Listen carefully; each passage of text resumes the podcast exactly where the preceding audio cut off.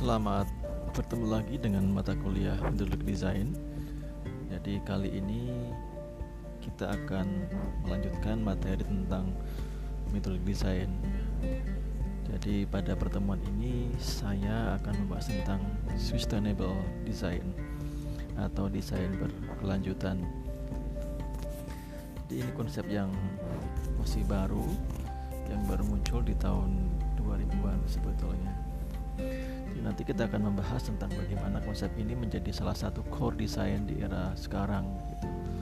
Jadi menjadi isu yang semakin berkembang seiring dengan perkembangan-perkembangan dalam hal environment atau lingkungan gitu. Jadi tentang perubahan iklim, perubahan geografis karena faktor perlakuan manusia pada lingkungan gitu kan naiknya permukaan air laut bahkan efek rumah kaca itu menjadi salah satu isu yang semakin mengemuka di abad ke-21 gitu. Jadi memang secara secara langsung mungkin kafe tidak berhubungan dengan itu. Tetapi isu ini menjadi salah satu inti dari uh, apa namanya pendapat desain di abad yang sekarang begitu di mana desain itu tidak hanya bicara tentang bagaimana mem apa bagaimana memperkuat produk, bagaimana memasarkan produk, bahkan menjual produk, tapi juga bagaimana desain itu menjadi sesuatu yang membantu dalam hal aspek ekologis gitu ya. Memang di abad 21 ini muncul beberapa isu-isu baru tentang desain. Nah, desain uh, desain yang sifatnya berhubungan dengan alam, dengan isu lingkungan, isu politik, isu ekonomi dan seterusnya itu.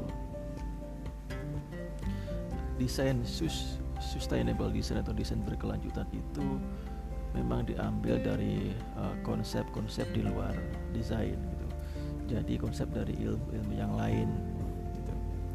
Memang pada praktiknya desain ini lebih banyak bicara pada desain produk terutama dan fashion.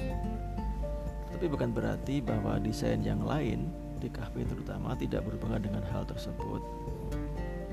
Nah, apa itu sustainable atau berkelanjutan itu sebetulnya? Intinya begini bahwa kalau kita merancang sesuatu itu harus mempertimbangkan aspek-aspek fisik sekitar kita. Ya, tidak hanya bagaimana membuat produk itu menjadi laku atau menjadi tren, tapi juga berpikir tentang bagaimana lingkungan yang akan ditempati desain tersebut gitu bagaimana prinsip ekonominya, bagaimana dampak sosialnya, bahkan bagaimana efek-efek ekologi yang berkepanjangan tadi ya, atau yang berkelanjutan itu. Itu menjadi salah satu isu yang sangat mengemuka dalam konsep desain sekarang. Gitu. Jadi mulai dari perencanaan produk, eksekusi produk gitu kan, pemilihan bahan gitu hingga penggunaannya di lapangan itu harus mempertimbangkan aspek-aspek tadi. Gitu kan.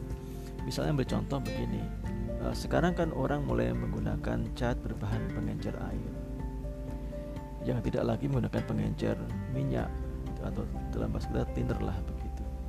Walaupun itu cat minyak sekalipun begitu.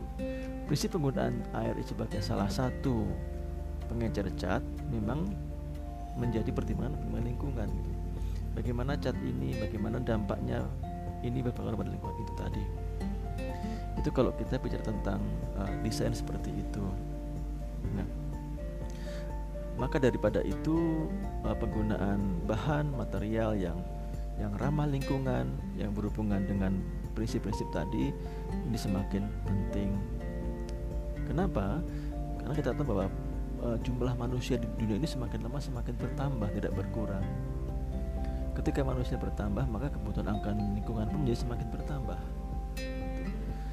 Cara yang paling mudah tentunya memperluas misalkan memperluas lahan tinggal manusia menjadi yang awalnya horizontal jadi vertikal misalkan begitu. Tapi ini pun masih belum cukup gitu maka pengembangan sebenarnya horizontal menjadi menjadi hal pilihan lain pilihan-pilihan yang dipilih oleh oleh oleh kita gitu. Maka tindakan penggundulan hutan deforestifikasi bahkan reklamasi itu menjadi pilihan-pilihan pada akhirnya itu kan. Misalnya ketika uh, Jakarta kekurangan lahan untuk pemukiman, ada reklamasi pantai di sana.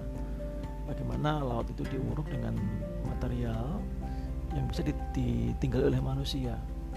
Ini bukan hal yang baru dalam dunia uh, desain di Indonesia di dunia ini ini hal yang terlalu biasa sebetulnya sebelum itu misalkan uh, di Arab di Dubai itu juga muncul Jumeirah misalkan di mana pantai itu diuruk menjadi sebuah resort yang sangat berkelas di sana menjadi sebuah desain yang sangat unik di mata manusia begitu. Kenapa? Karena dari atas seperti pohon palem yang sangat luar biasa indah. Tetapi dampak ekologinya juga tidak kalah serius daripada itu begitu loh. Nah, maka orang berarti bertanya apakah desain seperti itu gitu kan. Bagaimanakah uh, seorang perancang itu menempatkan diri pada pada sistem ini begitu. Apakah dia sebagai orang yang ikut berperan serta merusak lingkungan atau minimal mempertahankan lingkungan itu kalau toh tidak bisa ikut melestarikannya begitu. Nah kita tahu bahwa konsep sustainable itu konsep yang berkelanjutan. Apa pun tindakan kita dalam hal mendesain itu harus mempertimbangkan faktor-faktor tadi gitu. Faktor ekologi, faktor ekosistem yang harus dijadikan pertimbangan utama. Ingat bahwa misalkan di Indonesia sekalipun misalkan uh, tahun 2000-an bahkan mungkin sampai sekarang masih berlaku angka itu di mana tingkat kerusakan hutan sangat luar biasa parah gitu kan. Anda tahu bahwa di Indonesia setiap hari ya, per hari itu mungkin hampir satu lapangan sepak bola itu hilang hutan kita gitu. Nah kalau ini terus berkelanjutan tidak difikirkan dampaknya tentu akan mengancam kelangsungan ekologi. Bagaimana nuftah atau plasma hayat itu menjadi hilang misalkan yang terasa adalah bencana tentunya dampak yang paling serius yang paling kontan seperti itu. Tetapi dampak jangka panjang tidak kalah serius misalkan bagaimana efek rumah kaca itu membuat uh, zat karbon itu menjadi semakin menipis begitu. Bagaimana oksigen ini menjadi salah satu filter yang yang tidak lagi sehat seperti zaman-zaman lampau. Begitu kan? Nah itu dampak-dampak jangka panjang. Tentu pertimbangan seperti ini harus Anda pikirkan ketika Anda merancang. Misalkan begini, apakah limbah buangan baliho, buangan poster itu tidak berbahaya buat lingkungan kita? Apakah nanti Anda bikin kemasan itu tidak merusak lingkungan gitu? Memang hari ini orang sudah berupaya menjadikan isu lingkungan sebagai isu utama dalam perancangan. Misalnya penggunaan oksium dalam uh, kresek ya jadi kalau anda beli kresek atau dapat kresek dari uh, swalayan itu kadang-kadang mereka ada kata oksium di pojok uh, pojok kiri bawah di kata bawah itu ada itu minimal dia adalah upaya upaya si produsen kresek itu untuk membuat kresek ini tidak tidak lama untuk terurai gitu kan. Kalau tanpa oksium mungkin butuh waktu sekian ratus tahun atau sekian puluh tahun. Tapi dengan oksium mungkin bisa cukup hanya 10 atau 15 tahun sudah selesai bahkan kurang dari angka-angka itu Artinya ini penting sekali buat kita gitu. Nah, apalagi sekarang eh, hampir semua kehidupan manusia ditopang oleh teknologi. Teknologi itu pasti menghasilkan limbah gitu kan. Dan limbah-limbah ini yang kadang-kala menjadi faktor yang menentukan apakah alam ini semakin baik atau semakin buruk. Nah, kalau kita bicara tentang sustainable design, tentu ada ada hal yang menjadi penting dalam isu itu apa saja sih tujuan dari sustainable design itu? Yang pertama tentu mengurangi dampak negatif dari sebuah produk, ya. Ya. Di plastik misalkan itu menjadi material yang dihindari, hanya begitu karena tentu mereka tidak bisa diurai ulang gitu. Paling tidak kalau Anda pakai plastik, plastik yang bisa didaur ulang. Itu idenya seperti itu gitu loh.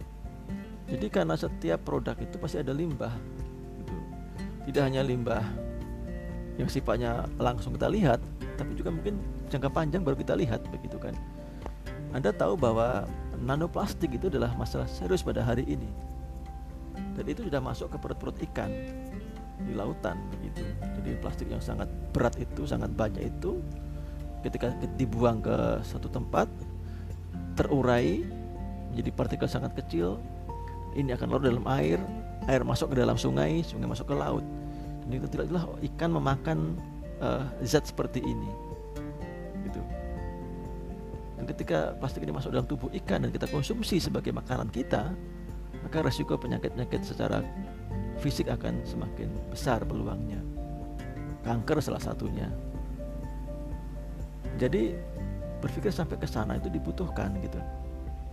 Yang kedua memang tujuannya adalah apa sih maka desain itu memanfaatkan sumber-sumber energi yang terbarukan ya, sumber energi yang bisa diperbaharukan itu yang tidak terbaru jadi ketergantungan pada bahan bakar fosil misalnya menjadi dikurangin begitu ya. Makanya tidak heran ketika pabrik sekelas uh, eh, BMW atau sekelas VW itu mencoba menciptakan cat untuk mobil mereka dengan pengencer air misalkan begitu. Bahkan sekelas uh, Mercedes sudah berpikir ulang andekan mobil ini menjadi barang rongsokan menjadi barang yang sudah tidak tidak menarik lagi di barang bekas bangkai mobil ini mau dikemanakan mau dibikin apa? Nah perusahaan seperti ini sudah berpikir ke arah sana. Adapun barangkali nanti ketika merancang sesuatu, misalkan merancang desain kemasan, kemasan apa pun lah begitu dalam hal itu desain, maka kita berpikir ulang gitu loh. Barang ini mau ketika kemasan ini sudah tidak dipakai lagi, akan dikemanakan, akan dibikin apa, bisa dibuat apa begitu, sampai ke arah sana gitu loh. Materialnya apa? Berarti kita nggak perlu pakai plastik, kita pakai apa? Mungkin dari bahan-bahan yang terbarukan, dari apa dari uh, kertas misalkan walaupun kertas kertas pun juga ada dampak lingkungan tetapi minimal kan bisa diperbaharui ya kan? karena kita negara kita Indonesia itu kekurangan bahan baku kertas ya. salah satu sumber sumber utama kita adalah kertas bekas itu ya. jadi anda jangan berpikir bahwa kertas semacam mesin dunia itu bukan dari kertas bekas itu, itu kertas bekas juga yang didaur ulang di situ karena kertas memang salah satu material terbarukan yang bisa didaur ulang berkali-kali. Dipisahkan begitulah. Gitu. yang ketiga tujuannya adalah mengurangi bahan-bahan yang membahayakan lingkungan kita. Nah ini akan tampak ketika anda memilih material bahan yang nanti untuk desain. Jadi bagaimana pertimbangan itu menjadi penting di mana bahan-bahan yang membahayakan lingkungan itu dikurangi kalau bisa dihilangkan dari daftar kebutuhan kita. Begitu. Itu kalau kita bicara tentang uh, sustainable design. Nah konsep sustainable design itu tentu berpijak pada seperti dengan 3P itu ada tentu uh, people manusia sebagai penggunanya. Jadi pengguna brand kita pengguna produk kita desain kita itu manusia dan Pink adalah planet bagaimana produk itu tidak merusak planet ini dan tentu saja desain itu apa itu pasti berorasi pada P ketika dia pada profit jadi konsep people, planet, dan profit menjadi kata kunci untuk menentukan tentang desain jadi nggak hanya profit saja, nggak hanya keuntungan yang kita kejar, tapi juga pertimbangan ini manusianya mbak gimana ya? Ini gimana lingkungan mereka gimana setelah ini? Setelah saya menggunakan bahan ini seperti apa dampaknya? Nah, itulah yang mau yang yang penting dalam perancangan desain itu.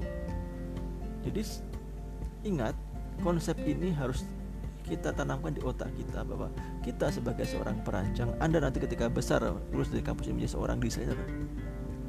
Ingat bahwa kebermanfaatan karya Anda itu tidak hanya pada sisi konsum, sisi penggunanya saja,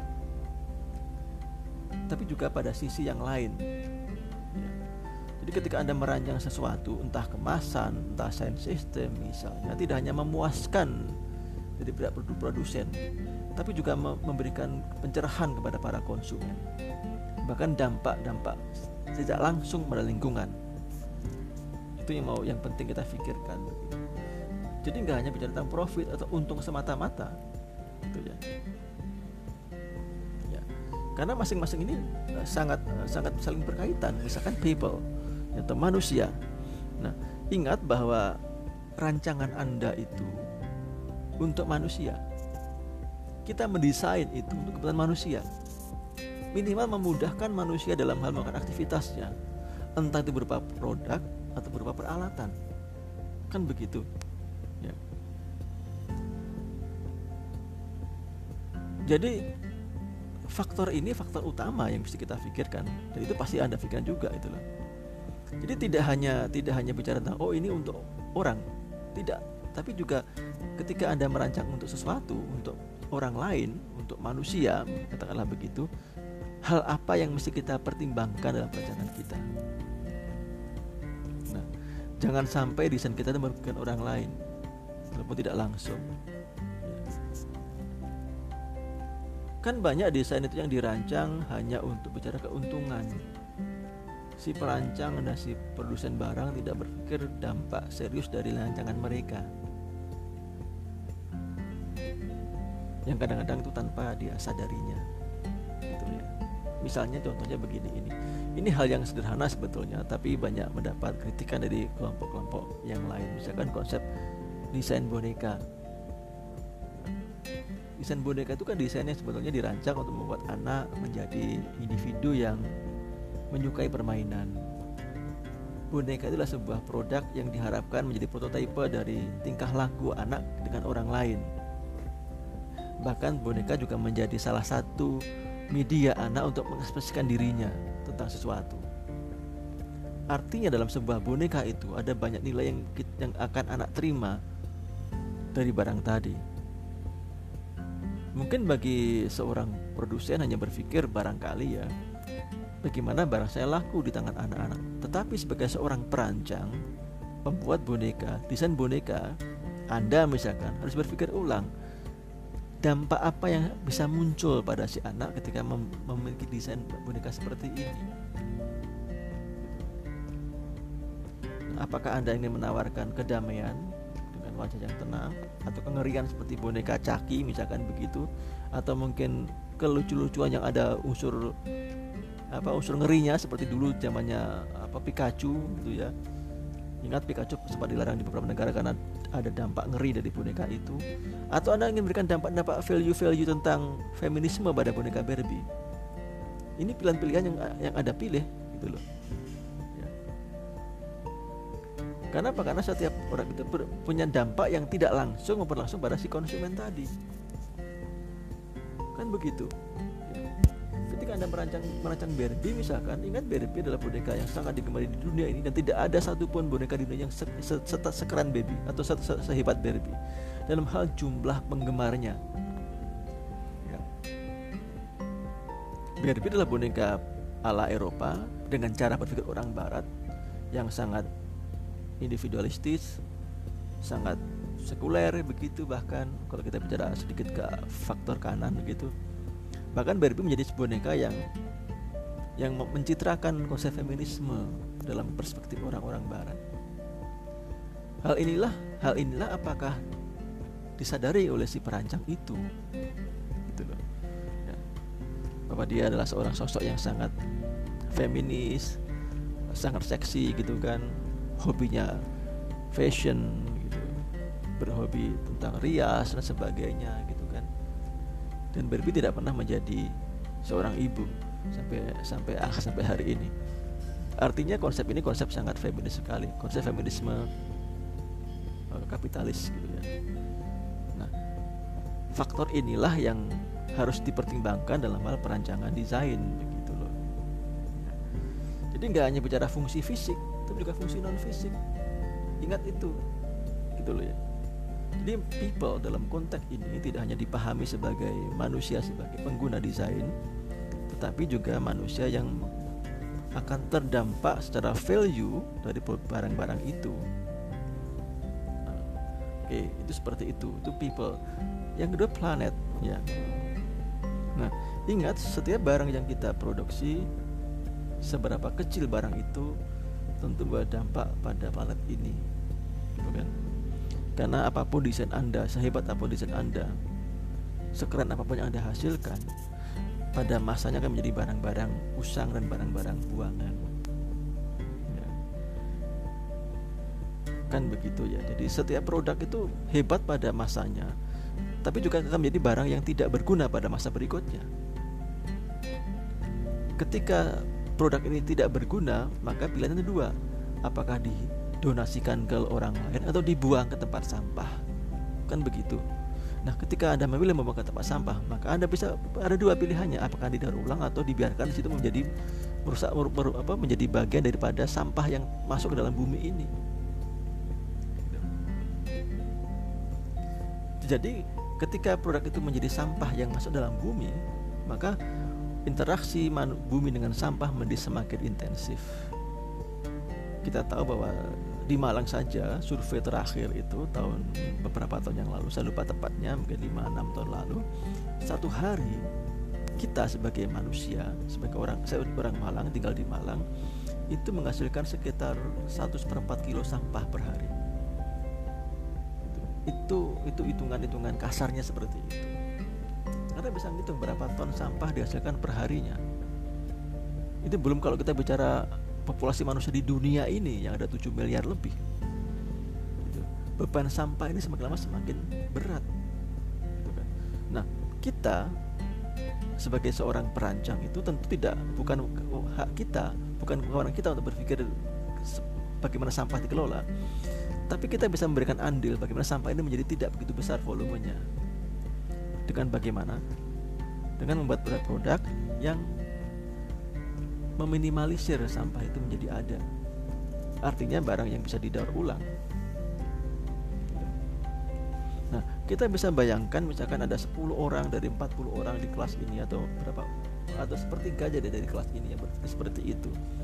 Sudah berapa persen sampah akan berkurang? Prinsip dari sustainable design adalah bagaimana desain itu menjadi sesuatu tidak merusak lingkungan atau minimal tidak berdampak buruk pada lingkungan. Kan. Karena lingkungan yang berubah itu akan mengubah segala hal di planet ini. Bisa mengubah iklim, mengubah cuaca, mengubah mengubah musim gitu kan. Ketika musim berubah maka semuanya akan ber, akan bergeser, akan berganti, akan bermasalah. Itu kan. Anda bisa bayangkan ketika musim itu berubah, bagaimana seorang petani akan repot menentukan kapan dia mulai menanam padi. Kalau musim berubah, iklim berubah, binatang-binatang juga akan sulit menentukan jam biologis mereka. Kapan dia harus bangun, kapan dia harus migrasi misalkan, kapan dia harus menetap di tempat itu akan kacau semuanya. Dan dampak ini akan terus berkembang, berkembang, berkembang terus yang dampaknya mungkin tidak pernah kita bayangkan sebelumnya tahun 60-an orang tidak pernah membayangkan bahwa Antartika akan mencair setengah benua Australia. Tapi hari ini itu sudah terjadi.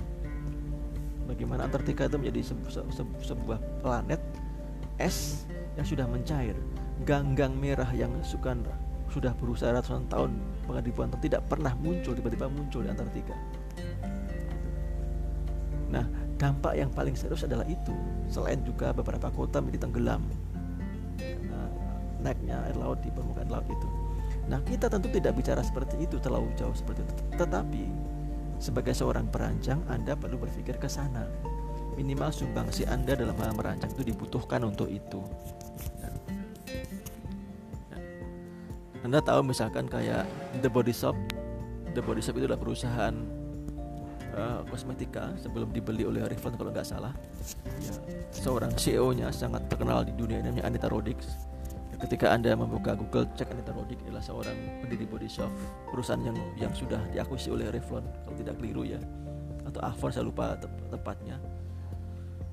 Mereka selalu tidak menjual kosmetika sebagai uh, bagian inti dari pemasaran mereka tapi mereka menjual bagaimana The Body Shop itu menggunakan alam lingkungan sebagai isu marketing yang dia pakai. Karena sebagian sebagian dari keuntungan perusahaan ini atau CSR-nya lah dalam bahasa kita itu menjadi media menjadi material untuk pengembangan lingkungan yang lebih baik. Nah isu ini sudah muncul sejak tahun 90-an akhir ya 2000-an awal gitu jadi satu sisi memang mereka menggunakan material dari alam ini tapi satu sisi lain mereka juga memberikan hak pada alam ini untuk lebih baik. Maka keuntungan itu digunakan untuk itu.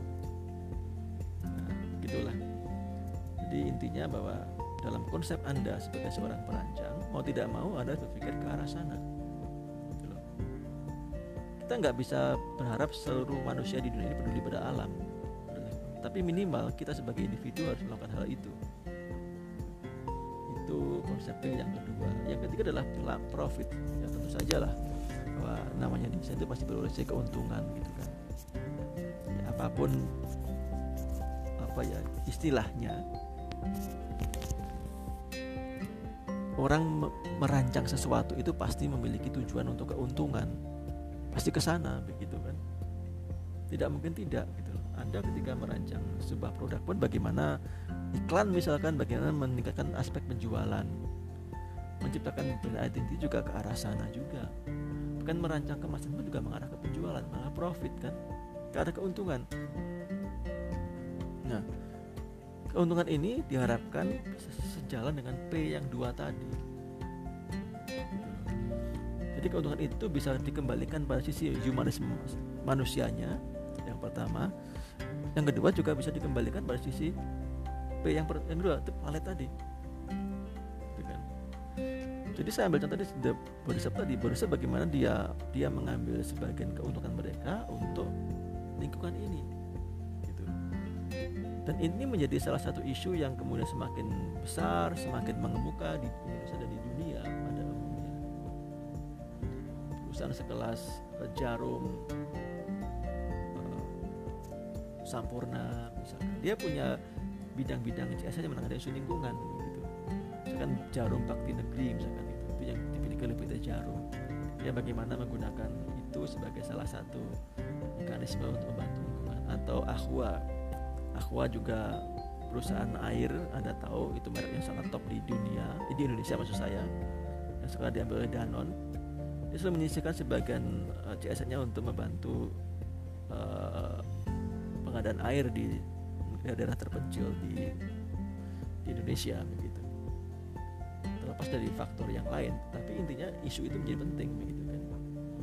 Jadi profit itu tidak semata-mata hanya untuk perusahaan tapi juga untuk masyarakat sekitar bahkan untuk uh, bumi ini gitu. nah konsep sustainable design itu ada banyak banyak prinsip sebetulnya. Ada beberapa prinsip. Ada mungkin ada sekitar uh, uh, tujuh prinsip enam prinsip maaf ya yang sering digunakan sebagai patokan. Nah apa sih prinsip sustainable design itu? Yang pertama adalah low impact material jadi material yang berdampak minimal pada alam ini. Kalau dalam bahasa kita material yang ramah lingkungan lah jadi materi yang bebas dari racun. Bisa mengatakan kayak perusahaan eh, BMW itu sudah menggunakan cat pengan pengencer air misalnya begitu. Dulu bahkan tahun-tahun 2000-an awal ada masih mungkin ada baru lahir ya waktu itu bagaimana seni-seni uh, patung seni-seni lukis Bali sempat ditolak di luar negeri karena mengandung bahan akrilik. Ya akrilik dipandang sebagai salah satu material yang merusak alam ini maka uh, bahan akrilik akan dicoba diganti oleh bahan yang lebih ramah gitu. atau kalau anda bicara desain interior misalkan penggunaan asbestos misalkan asbes itu itu di mana sebagai material yang merusak merusak alam ini juga mau digantikan oleh material yang lebih ramah lingkungan jadi material yang yang yang ramah ini semakin lama semakin digaungkan begitu Anda ketika menciptakan uh, poster menciptakan baliho misalnya bagaimana kita berpikir material ini tidak merusak alam ini gitu loh nah seperti itulah gitu. yang kedua adalah penggunaan energi yang efisien ya, ya. jadi kalau bisa uh, desain itu tidak tidak membutuhkan banyak energi lah gitu karena mau nggak mau energi itu kan nggak bisa diciptakan dia hanya bisa dipindahkan tuh jadi kalau anda bicara hukumnya Einstein anda akan tahu itu bahwa energi itu nggak bisa dibuat, hanya dipindahkan dari energi A ke energi B, B ke C dan seterusnya itu. Jadi alam ini dengan energi sebetulnya. Jadi ya tentu dalam dalam konteks ini bukan energi seperti itu, tapi energi listrik misalkan gitu, energi yang yang memakan bahan bakar besar itu coba dihindari seminimal mungkin gitu. Jadi wajar misalkan ketika hari ini misalkan kayak orang-orang dari China itu sudah mulai merancang apa namanya power bank misalkan. Anda tahu power bank itu kan untuk handphone ya. Handphone anda ada cas selama 2 jam tapi bisa dipakai selama 24 jam gitu atau mungkin lebih begitu. Kalau anda pakai baterai volta mungkin lebih dari itu. Nah bagaimana orang-orang Cina hari ini sudah akan merancang power bank untuk rumah misalkan anda bisa bayangkan ketika ada power bank untuk rumah, ada cas 2 jam untuk rumah tapi sudah pakai 24 jam. Ya, betapa itu menjadi hal yang sangat luar biasa dalam hal mengurangi dampak uh, penggunaan energi tadi. Memang ini baru baru wacana, tapi sudah dimulai di beberapa negara di, di, di, di, di dunia ini. Mobil listrik juga begitu, mulai digunakan gitu kan. Bagaimana Tesla ya, menjadi salah satu mobil listrik yang paling fenomenal dunia ini menggantikan mobil-mobil yang lain. Memang masih hybrid ya, kayak Honda itu sudah mulai hybrid, tapi Tesla sudah mulai full listrik yang diharapkan tidak banyak menggunakan energi yang berlebihan gitu. Yang ketiga itu desain itu harus memiliki eh, daya tahan yang yang yang apa yang yang lebih panjang begitu. Memang ini kadang-kadang menentang hukum desain di mana orang merancang itu untuk jangka pendek gitu kan. Anda tahu bahwa tren itu diciptakan masa usaha itu direncanakan gitu kan. Jadi Nokia pun mengakui itu kapan dia harus membuat HP ini menjadi usang gitu. Dan konsep ini juga ditiru oleh eh, Samsung, Oppo misalkan hari itu sudah merancang Samsung ini misalkan Samsung seri J ini akan dipandang kuno pada berapa tahun kemudian sudah dirancang seperti itu akan muncul seri yang lain gitu seperti itu tapi memang ada beberapa upaya dari beberapa orang untuk mengubah paradigma seperti ini gitu jadi bagaimana umur produk itu menjadi semakin panjang tidak semakin pendek seperti abad-abad yang baru-baru saja ini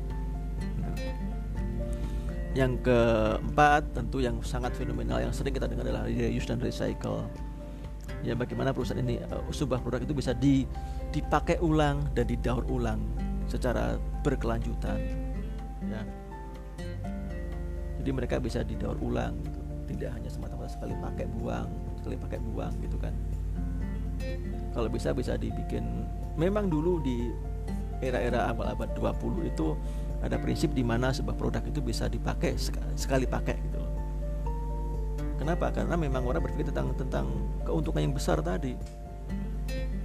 Seperti halnya uh, silat. Uh, silat itu kan kan nama orang ketika dia menciptakan pisau sekali pakai. Silat seperti itu berpikirnya. Saya ini sekali pakai buang sekali pakai. Tentu ini menentang kelajuan pada masa itu di mana para tukang cukur di di sana menggunakan pisau apa yang untuk nyukur yang, sekali dipakai berkali-kali. Nah, silat menentang hukum itu. Dia menciptakan pisau yang sekali pakai langsung diganti-ganti, maka sangat tipis tapi tajam. Nah, konsep ini pada hari ini menjadi dipandang tidak lagi tepat untuk untuk dunia ini. Karena semakin banyak produk yang yang memiliki konsep yang sama.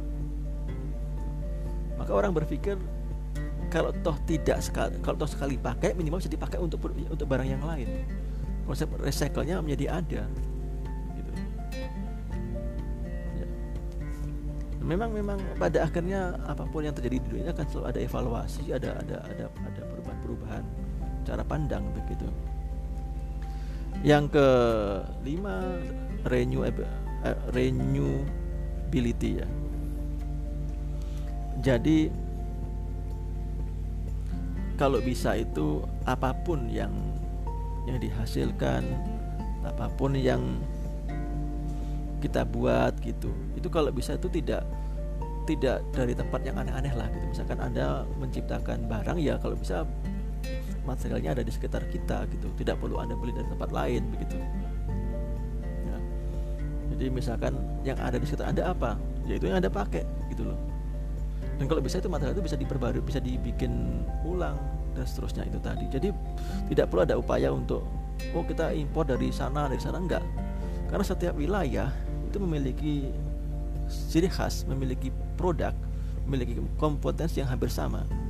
Tinggal bagaimana kita mengembangkan itu. Itu kan.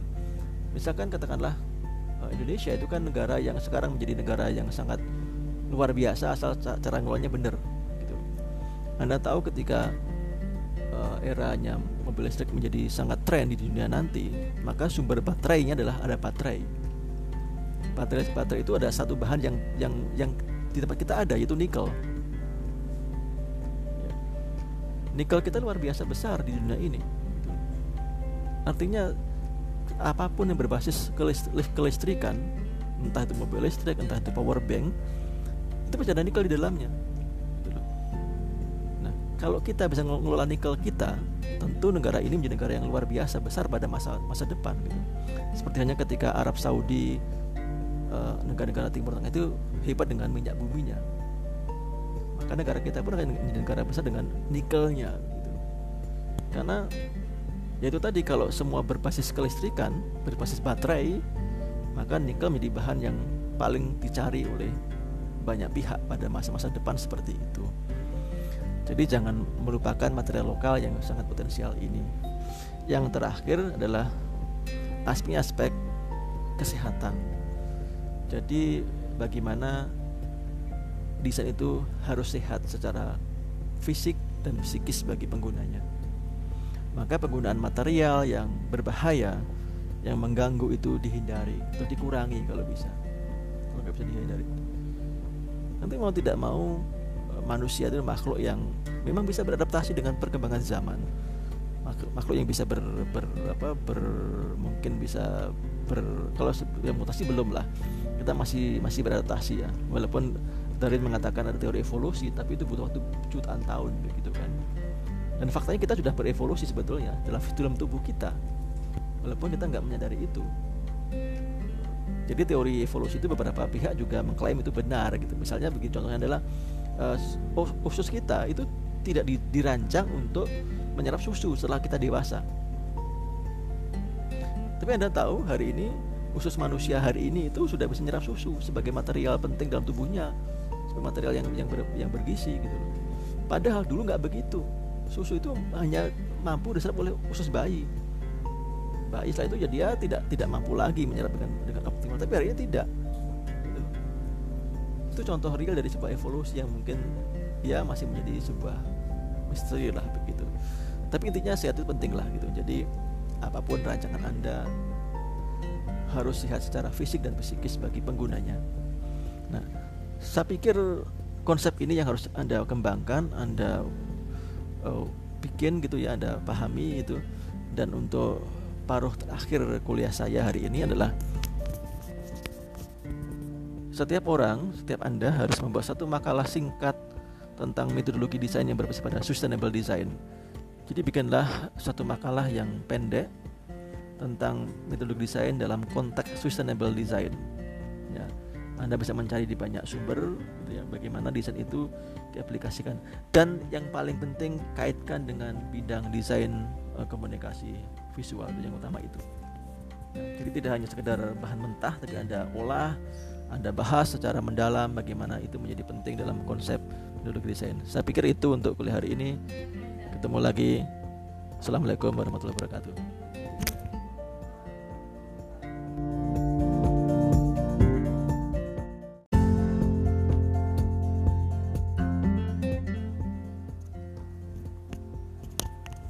Selamat bertemu lagi dengan mata kuliah Metodologi Design.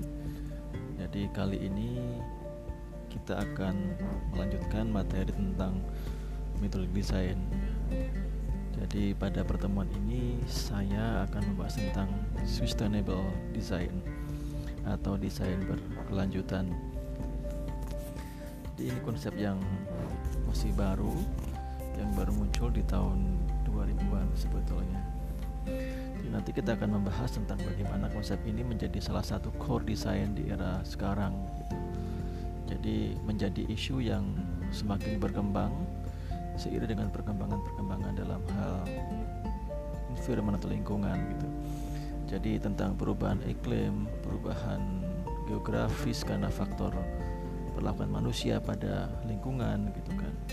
Naiknya permukaan air laut bahkan efek rumah kaca. Itu menjadi salah satu isu yang semakin mengemuka di abad ke-21 gitu.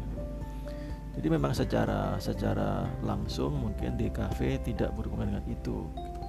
Tetapi isu ini menjadi salah satu inti dari uh, apa namanya pendapat desain di abad yang sekarang begitu.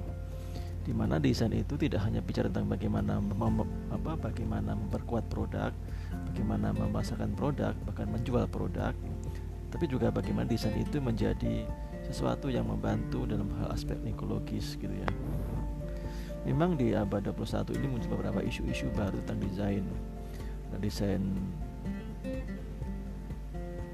uh, desain yang sifatnya berhubungan dengan alam dengan isu lingkungan, isu politik, isu ekonomi dan seterusnya itu desain sus sustainable design atau desain berkelanjutan itu memang diambil dari uh, konsep-konsep uh, di luar desain. Jadi konsep dari ilmu-ilmu yang lain gitu. Memang pada praktiknya desain ini lebih banyak bicara pada desain produk terutama dan fashion. Tapi bukan berarti bahwa desain yang lain di kafe terutama tidak berhubungan dengan hal tersebut.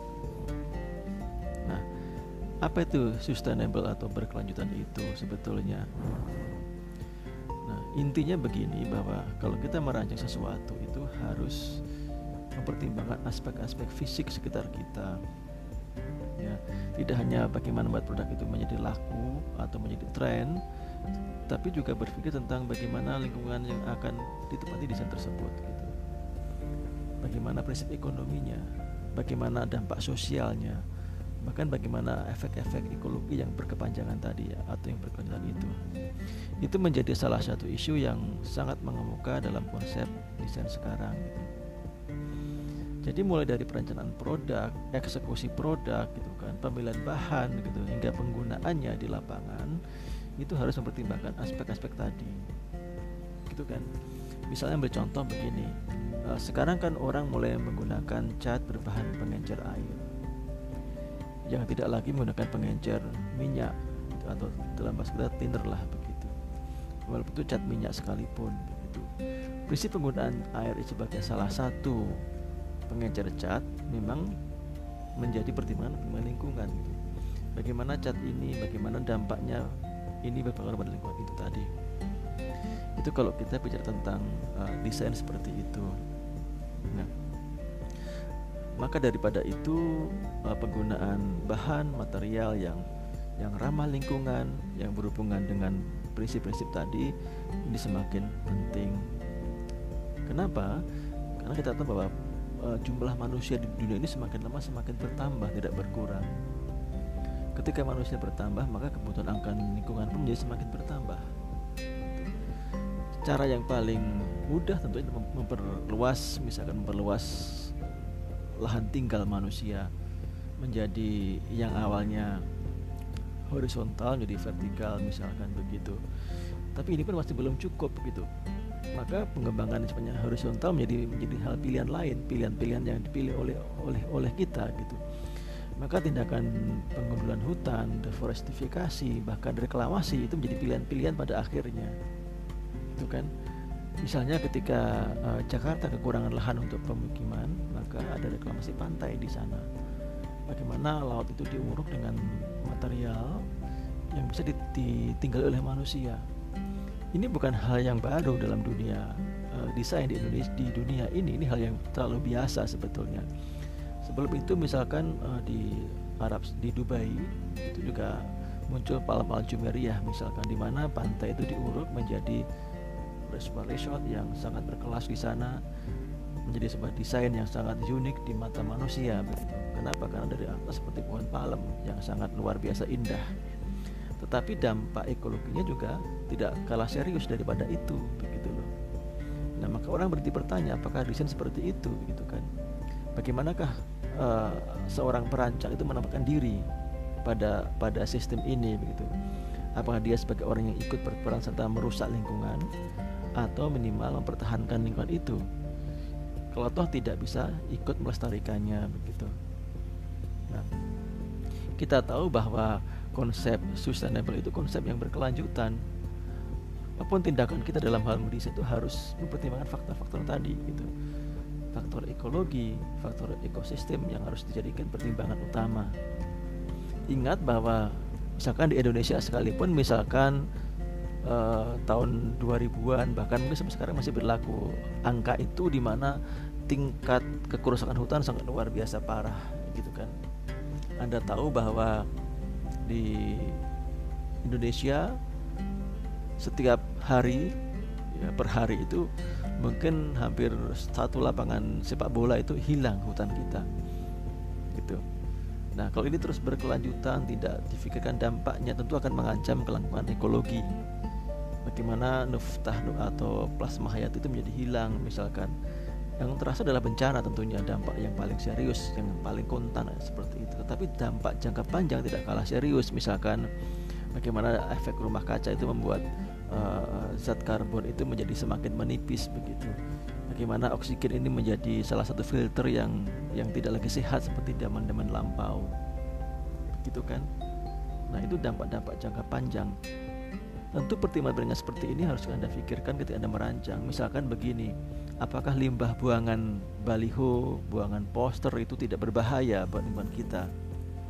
Nah, apakah nanti anda bikin kemasan itu tidak merusak lingkungan gitu? Memang hari ini orang sudah berupaya menjadikan isu lingkungan sebagai isu utama dalam perancangan. Misalnya penggunaan oksium dalam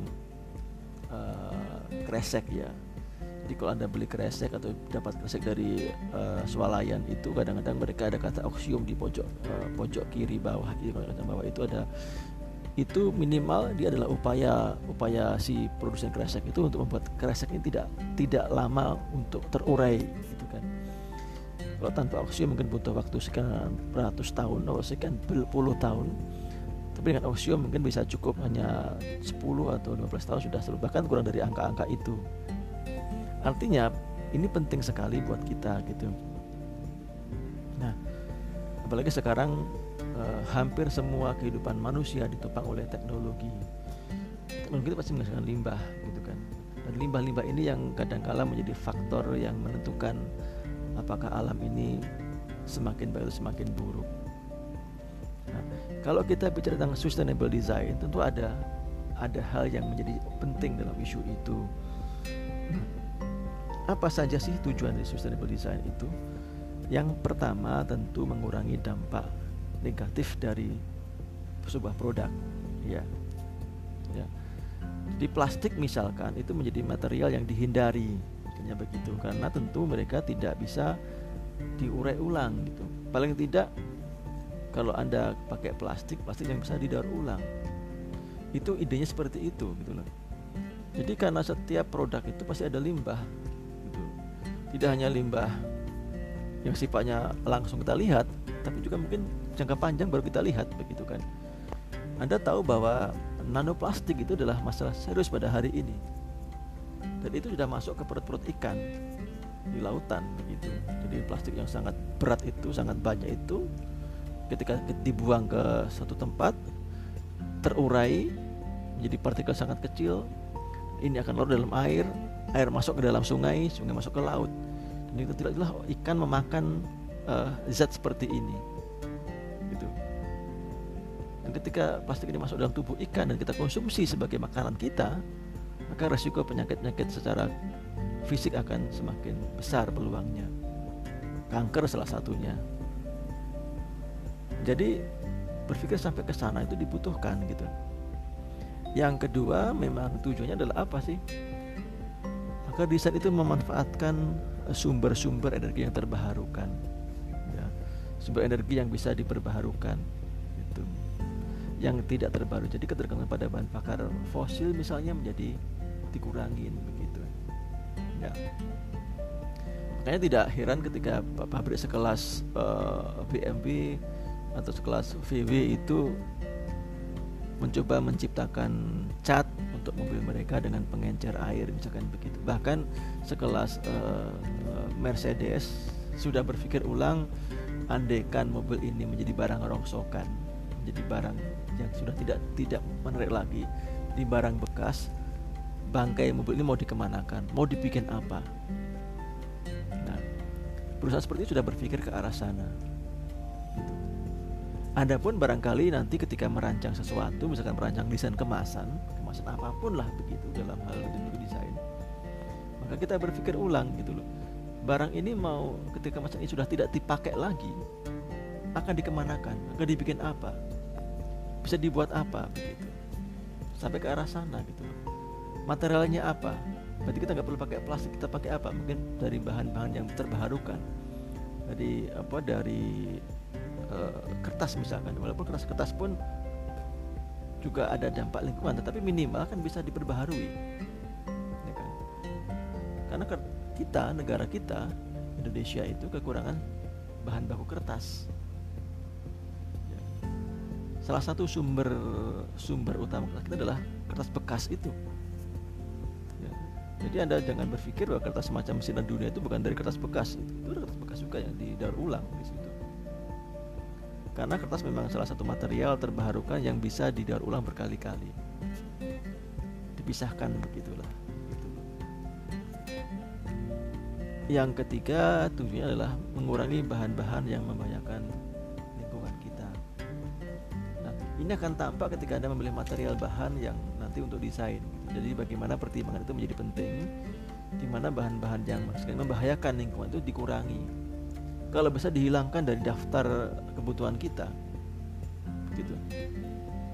Itu kalau kita bicara tentang uh, sustainable design. Nah, konsep sustainable design itu tentu berpijak pada seperti dengan 3P.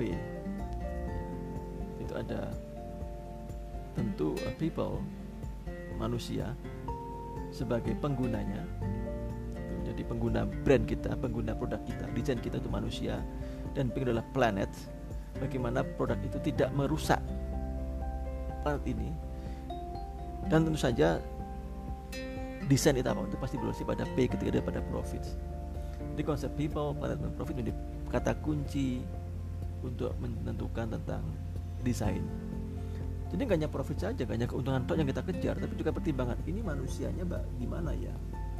Ini gimana lingkungan mereka gimana setelah ini? Setelah saya menggunakan bahan ini seperti apa dampaknya? Itulah yang mau yang yang penting dalam perancangan desain itu. Jadi ingat konsep ini harus kita tanamkan di otak kita bahwa kita sebagai seorang perancang, Anda nanti ketika besar lulus dari kampus ini menjadi seorang desainer, Ingat bahwa kebermanfaatan karya Anda itu tidak hanya pada sisi konsum, sisi penggunanya saja, tapi juga pada sisi yang lain. Jadi ketika Anda merancang sesuatu, entah kemasan, entah sound system misalnya, tidak hanya memuaskan dari pihak produsen, tapi juga memberikan pencerahan kepada para konsumen. Bahkan dampak-dampak tidak langsung pada lingkungan. Itu yang mau yang penting kita pikirkan.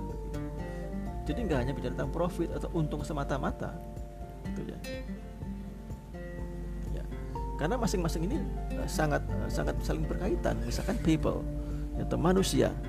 Nah, ingat bahwa rancangan Anda itu untuk manusia. Kita mendesain itu untuk kebutuhan manusia. Minimal memudahkan manusia dalam hal melakukan aktivitasnya. Entah itu berupa produk atau berupa peralatan. Kan begitu.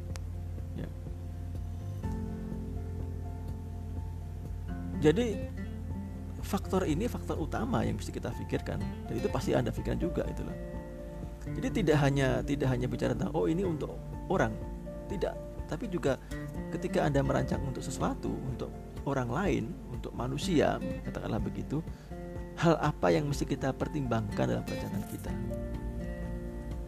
Nah, jangan sampai desain kita merugikan orang lain, walaupun tidak langsung. Kan banyak desain itu yang dirancang hanya untuk bicara keuntungan. Si perancang dan si produsen barang tidak berpikir dampak serius dari rancangan mereka. Yang kadang-kadang itu tanpa dia sadarinya. Gitu ya. Misalnya contohnya begini ini. Ini hal yang sederhana sebetulnya, tapi banyak mendapat kritikan dari kelompok-kelompok yang lain. Misalkan konsep desain boneka desain boneka itu kan desainnya sebetulnya dirancang untuk membuat anak menjadi individu yang menyukai permainan. Boneka itulah sebuah produk yang diharapkan menjadi prototipe dari tingkah laku anak dengan orang lain. Bahkan boneka juga menjadi salah satu media anak untuk mengekspresikan dirinya tentang sesuatu. Artinya dalam sebuah boneka itu ada banyak nilai yang yang akan anak terima dari barang tadi Mungkin bagi seorang produsen hanya berpikir barangkali ya bagaimana barang saya laku di tangan anak-anak. Tetapi sebagai seorang perancang, pembuat boneka, desain boneka, Anda misalkan harus berpikir ulang dampak apa yang bisa muncul pada si anak ketika mem memiliki desain boneka seperti ini. Apakah Anda ingin menawarkan kedamaian wajah yang tenang atau kengerian seperti boneka caki misalkan begitu atau mungkin kelucu-lucuan yang ada unsur apa unsur ngerinya seperti dulu zamannya apa Pikachu gitu ya. Ingat Pikachu sempat dilarang di beberapa negara karena ada dampak ngeri dari boneka itu. Atau anda ingin memberikan dampak-dampak value-value tentang feminisme pada boneka Barbie? Ini pilihan-pilihan yang yang ada pilih gitu loh. Ya. karena apa karena setiap orang itu punya dampak yang tidak langsung maupun langsung pada si konsumen tadi. Kan begitu ketika anda merancang merancang Barbie misalkan ingat Barbie adalah boneka yang sangat digemari di dunia ini dan tidak ada satupun boneka di dunia yang se se se sekeren Baby atau se se sehebat Barbie dalam hal jumlah penggemarnya ya. Barbie adalah boneka ala Eropa dengan cara berpikir orang Barat yang sangat individualistis sangat sekuler begitu bahkan kalau kita bicara sedikit ke faktor kanan begitu bahkan Barbie menjadi sebuah boneka yang yang mencitrakan konsep feminisme dalam perspektif orang-orang barat. Hal inilah hal inilah apakah disadari oleh si perancang itu? Gitu loh. Ya. bahwa dia adalah seorang sosok yang sangat feminis sangat seksi gitu kan. Hobinya fashion gitu. Berhobi tentang rias dan sebagainya dan Barbie tidak pernah menjadi seorang ibu sampai sampai ah, sampai hari ini. Artinya konsep ini konsep sangat feminis sekali, konsep feminisme uh, kapitalis gitu ya. Nah, faktor inilah yang harus dipertimbangkan dalam hal perancangan desain begitu loh. Jadi nggak hanya bicara fungsi fisik, tapi juga fungsi non fisik. Ingat itu, gitu loh ya. Jadi people dalam konteks ini tidak hanya dipahami sebagai manusia sebagai pengguna desain, tetapi juga manusia yang akan terdampak secara value dari barang-barang itu. Oke, itu seperti itu. Itu people. Yang kedua planet, ya. Nah, ingat setiap barang yang kita produksi, seberapa kecil barang itu tentu berdampak pada planet ini, bukan? Karena apa pun desain Anda, sehebat apa pun desain Anda, sekeren apa pun yang Anda hasilkan, pada masanya akan menjadi barang-barang usang dan barang-barang buangan. Ya. Kan begitu ya. Jadi setiap produk itu hebat pada masanya, tapi juga akan menjadi barang yang tidak berguna pada masa berikutnya. Ketika produk ini tidak berguna, maka pilihannya dua. Apakah di donasikan ke orang lain atau dibuang ke tempat sampah. Kan begitu. Nah ketika anda memilih membuang ke tempat sampah maka anda bisa ada dua pilihannya. Apakah didaur ulang atau dibiarkan di situ menjadi merusak mer, mer, apa menjadi bagian daripada sampah yang masuk ke dalam bumi ini. Jadi ketika produk itu menjadi sampah yang masuk dalam bumi maka interaksi bumi dengan sampah menjadi semakin intensif. Kita tahu bahwa di Malang saja survei terakhir itu tahun beberapa tahun yang lalu saya lupa tepatnya mungkin 5-6 tahun lalu satu hari kita sebagai manusia sebagai orang saya orang Malang tinggal di Malang itu menghasilkan sekitar 1 seperempat kilo sampah per hari. Itu itu hitungan-hitungan kasarnya seperti itu. Karena bisa ngitung berapa ton sampah dihasilkan per harinya itu belum kalau kita bicara populasi manusia di dunia ini yang ada 7 miliar lebih. Gitu. beban sampah ini semakin lama semakin berat. Gitu kan. nah kita sebagai seorang perancang itu tentu tidak bukan hak kita bukan kewenangan kita untuk berpikir bagaimana sampah dikelola. Tapi kita bisa memberikan andil bagaimana sampah ini menjadi tidak begitu besar volumenya. Dengan bagaimana? Dengan membuat produk-produk yang meminimalisir sampah itu menjadi ada. Artinya barang yang bisa didaur ulang. Nah, kita bisa bayangkan misalkan ada 10 orang dari 40 orang di kelas ini atau berapa atau sepertiga aja dari kelas ini ya seperti itu. Sudah berapa persen sampah akan berkurang? Nah, prinsip dari sustainable design adalah bagaimana desain itu menjadi sesuatu tidak merusak lingkungan atau minimal tidak berdampak buruk pada lingkungan karena lingkungan yang berubah itu akan mengubah segala hal di planet ini. Bisa mengubah iklim, mengubah cuaca, mengubah mengubah musim gitu kan. Ketika musim berubah maka semuanya akan ber, akan bergeser, akan berganti, akan bermasalah. Itu kan. Anda bisa bayangkan ketika musim itu berubah, bagaimana seorang petani akan repot menentukan kapan dia mulai menanam padi. Bukan. Kalau musim berubah, iklim berubah, binatang-binatang juga akan sulit menentukan jam biologis mereka. Kapan dia harus bangun, kapan dia harus migrasi misalkan, kapan dia harus menetap di tempat itu akan kacau semuanya. Dan dampak ini akan terus berkembang, berkembang, berkembang terus yang dampaknya mungkin tidak pernah kita bayangkan sebelumnya tahun 60-an orang tidak pernah membayangkan bahwa Antartika akan mencair setengah benua Australia. Tapi hari ini itu sudah sudah terjadi. Bagaimana Antartika itu menjadi sebu se sebuah planet es yang sudah mencair, ganggang merah yang suka sudah berusaha ratusan tahun tahun tidak pernah muncul tiba-tiba muncul di Antartika. Nah, dampak yang paling serius adalah itu. Selain juga beberapa kota menjadi tenggelam naiknya air laut di permukaan laut itu. Nah kita tentu tidak bicara seperti itu terlalu jauh seperti itu. Tetapi sebagai seorang perancang Anda perlu berpikir ke sana minimal sumbangsi Anda dalam hal merancang itu dibutuhkan untuk itu Anda tahu misalkan kayak The Body Shop The Body Shop itu adalah perusahaan uh, kosmetika sebelum dibeli oleh Revlon kalau nggak salah. Ya, seorang CEO-nya sangat terkenal di dunia namanya Anita Roddick. Ketika Anda membuka Google cek Anita Roddick adalah seorang pendiri Body Shop, perusahaan yang yang sudah diakuisisi oleh Revlon kalau tidak keliru ya. Atau Avon saya lupa tep tepatnya. Mereka selalu tidak menjual kosmetika sebagai uh, bagian inti dari pemasaran mereka, tapi mereka menjual bagaimana The Body Shop itu menggunakan alam lingkungan sebagai isu marketing yang dia pakai karena sebagian sebagian dari keuntungan perusahaan ini atau CSR-nya lah dalam bahasa kita itu menjadi media menjadi material untuk pengembangan lingkungan yang lebih baik. Nah isu ini sudah muncul sejak tahun 90-an akhir sampai 2000-an awal gitu jadi satu sisi memang mereka menggunakan material dari alam ini tapi satu sisi lain mereka juga memberikan hak pada alam ini untuk lebih baik. Maka keuntungan itu digunakan untuk itu jadi intinya bahwa dalam konsep anda sebagai seorang perancang mau tidak mau anda berpikir ke arah sana.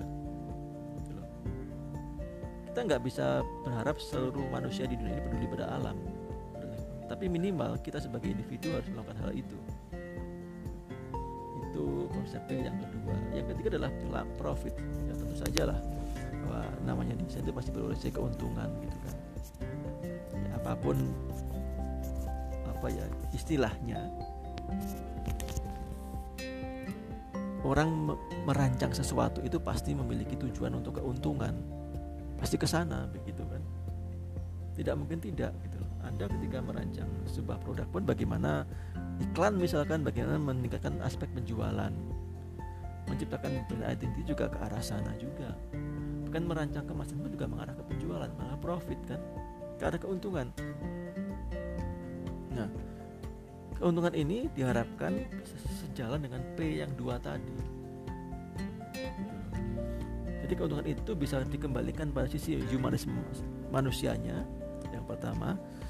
Yang kedua juga bisa dikembalikan pada sisi P yang, per, kedua itu palet tadi. Gitu kan?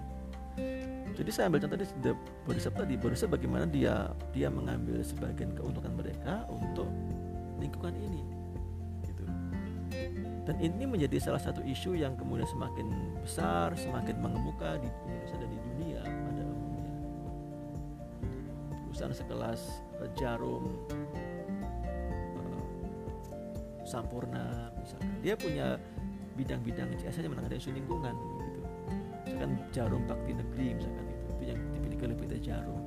Ya bagaimana menggunakan itu sebagai salah satu mekanisme untuk membantu lingkungan. Atau Aqua Aqua juga perusahaan air Anda tahu itu merek yang sangat top di dunia eh, di Indonesia maksud saya yang sekarang diambil oleh Danon dia selalu menyisihkan sebagian uh, eh, CSR-nya untuk membantu uh, pengadaan air di daerah-daerah terpencil di, di Indonesia begitu. Terlepas dari faktor yang lain tapi intinya isu itu menjadi penting begitu kan. Jadi profit itu tidak semata-mata hanya untuk perusahaan tapi juga untuk masyarakat sekitar bahkan untuk uh, bumi ini. Nah konsep sustainable design itu ada banyak banyak prinsip sebetulnya. Ada beberapa prinsip. Ada mungkin ada sekitar uh, uh, tujuh prinsip enam prinsip maaf ya yang sering digunakan sebagai patokan. Nah apa sih prinsip sustainable design itu? Yang pertama adalah low impact material jadi material yang berdampak minimal pada alam ini. Kalau dalam bahasa kita material yang ramah lingkungan lah begitu. Seperti itu. Jadi material yang bebas dari racun. Bisa mengatakan kayak perusahaan eh, the BMW itu sudah menggunakan cat pengan pengencer air misalnya begitu. Dulu bahkan tahun-tahun 2000-an awal ada masih mungkin Anda baru lahir ya waktu itu bagaimana seni-seni uh, uh, patung seni-seni lukis Bali sempat ditolak di luar negeri karena mengandung bahan akrilik. Ya akrilik dipandang sebagai salah satu material yang merusak alam ini. Maka uh, bahan akrilik akan dicoba diganti oleh bahan yang lebih ramah gitu. Atau kalau Anda bicara desain interior misalkan penggunaan asbestos misalkan asbes itu itu di mana sebagai material yang merusak merusak alam ini juga mau digantikan oleh material yang lebih ramah lingkungan. Jadi material yang yang yang ramah ini semakin lama semakin digaungkan begitu. Anda ketika menciptakan uh, poster, menciptakan baliho misalnya, bagaimana kita berpikir material ini tidak merusak alam ini gitu loh. Nah, seperti itulah. Gitu. Yang kedua adalah penggunaan energi yang efisien ya. ya. Jadi kalau bisa uh, desain itu tidak tidak membutuhkan banyak energi lah gitu. Karena mau nggak mau energi itu kan nggak bisa diciptakan dia hanya bisa dipindahkan tuh. Jadi kalau anda bicara hukumnya Einstein anda akan tahu itu bahwa energi itu nggak bisa dibuat tapi hanya dipindahkan dari energi A ke energi B B ke C dan seterusnya itu. Jadi alam ini dengan energi sebetulnya gitu. jadi ya tentu dalam dalam konteks ini bukan energi seperti itu tapi energi listrik misalkan gitu. Energi yang yang memakan bahan bakar besar itu coba dihindari seminimal mungkin gitu. Jadi wajar misalkan ketika hari ini misalkan kayak orang-orang dari China itu sudah mulai merancang apa namanya power bank misalkan. Anda tahu power bank itu kan untuk handphone ya. Handphone Anda ada cas selama 2 jam tapi bisa dipakai selama 24 jam gitu atau mungkin lebih begitu kalau Anda pakai baterai Volta mungkin lebih dari itu. Nah, bagaimana orang-orang Cina hari ini sudah akan merancang power bank untuk rumah misalkan anda bisa bayangkan ketika ada power bank untuk rumah, ada cas 2 jam untuk rumah tapi bisa dipakai 24 jam. Ya, betapa itu menjadi hal yang sangat luar biasa dalam hal mengurangi dampak uh, penggunaan energi tadi.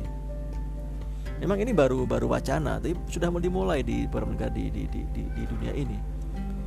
Mobil listrik juga begitu, mulai digunakan gitu kan. Bagaimana Tesla ya, menjadi salah satu mobil listrik yang paling fenomenal dunia ini menggantikan mobil-mobil yang lain memang masih hybrid ya kayak Honda itu sudah mulai hybrid tapi Tesla sudah mulai full listrik yang diharapkan tidak banyak menggunakan energi yang berlebihan gitu. Yang ketiga itu desain itu harus memiliki eh, daya tahan yang yang yang apa yang yang lebih panjang begitu. Memang ini kadang-kadang menentang hukum desain di mana orang merancang itu untuk jangka pendek gitu kan. Anda tahu bahwa tren itu diciptakan masa usaha itu direncanakan gitu kan.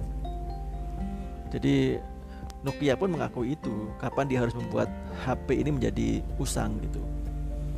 Dan konsep ini juga ditiru oleh eh, Samsung Oppo misalkan. Hari itu sudah merancang Samsung ini misalkan Samsung seri J ini akan dipandang kuno pada beberapa tahun kemudian gitu. sudah dirancang seperti itu akan muncul seri yang lain gitu seperti itu. Tapi memang ada beberapa upaya dari beberapa orang untuk mengubah paradigma seperti ini gitu jadi bagaimana umur produk itu menjadi semakin panjang, tidak semakin pendek seperti abad-abad yang baru-baru saja ini. Yang keempat tentu yang sangat fenomenal yang sering kita dengar adalah reuse dan recycle. Ya bagaimana perusahaan ini uh, sebuah produk itu bisa di, dipakai ulang dan didaur ulang secara berkelanjutan. Ya. Jadi mereka bisa didaur ulang gitu. Tidak hanya semata-mata sekali pakai buang, sekali pakai buang gitu kan kalau bisa bisa dibikin memang dulu di era-era awal abad 20 itu ada prinsip di mana sebuah produk itu bisa dipakai sekali, pakai gitu. Kenapa? Karena memang orang berpikir tentang tentang keuntungan yang besar tadi. Seperti halnya uh, silat. Uh, silat itu kan kan nama orang ketika dia menciptakan pisau sekali pakai. Gitu kan. Silat seperti itu berpikirnya. Saya ini sekali pakai buang sekali pakai. Tentu ini menentang kelaziman pada masa itu di mana para tukang cukur di di sana menggunakan pisau apa yang untuk nyukur yang, yang sekali dipakai berkali-kali. Nah, silat menentang hukum itu. Dia menciptakan pisau yang sekali pakai langsung diganti-ganti, maka sangat tipis tapi tajam. Nah, konsep ini pada hari ini menjadi dipandang tidak lagi tepat untuk untuk dunia ini. Karena semakin banyak produk yang yang memiliki konsep yang sama. Maka orang berpikir kalau toh tidak sekali kalau toh sekali pakai minimal bisa dipakai untuk untuk barang yang lain. Konsep recycle-nya menjadi ada.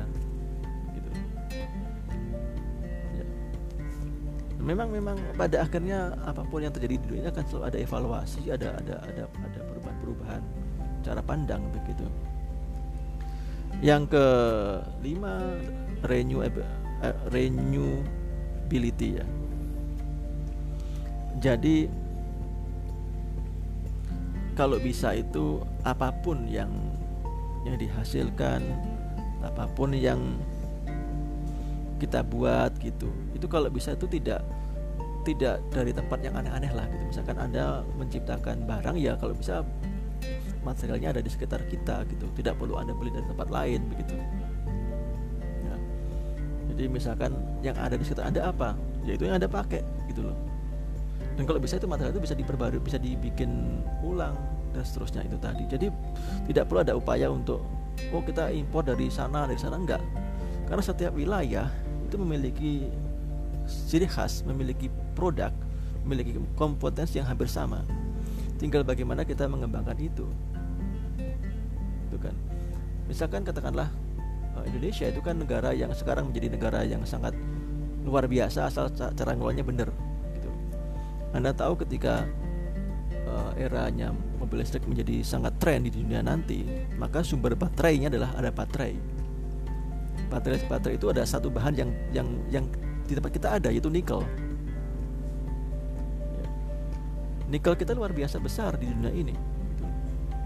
Artinya apa pun yang berbasis kelistrikan, entah itu mobil listrik, entah itu power bank, itu pasti ada nikel di dalamnya.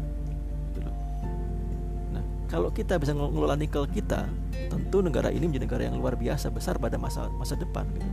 Seperti hanya ketika Arab Saudi Eh, negara-negara Timur Tengah itu hebat dengan minyak buminya maka negara kita pun akan menjadi negara besar dengan nikelnya gitu.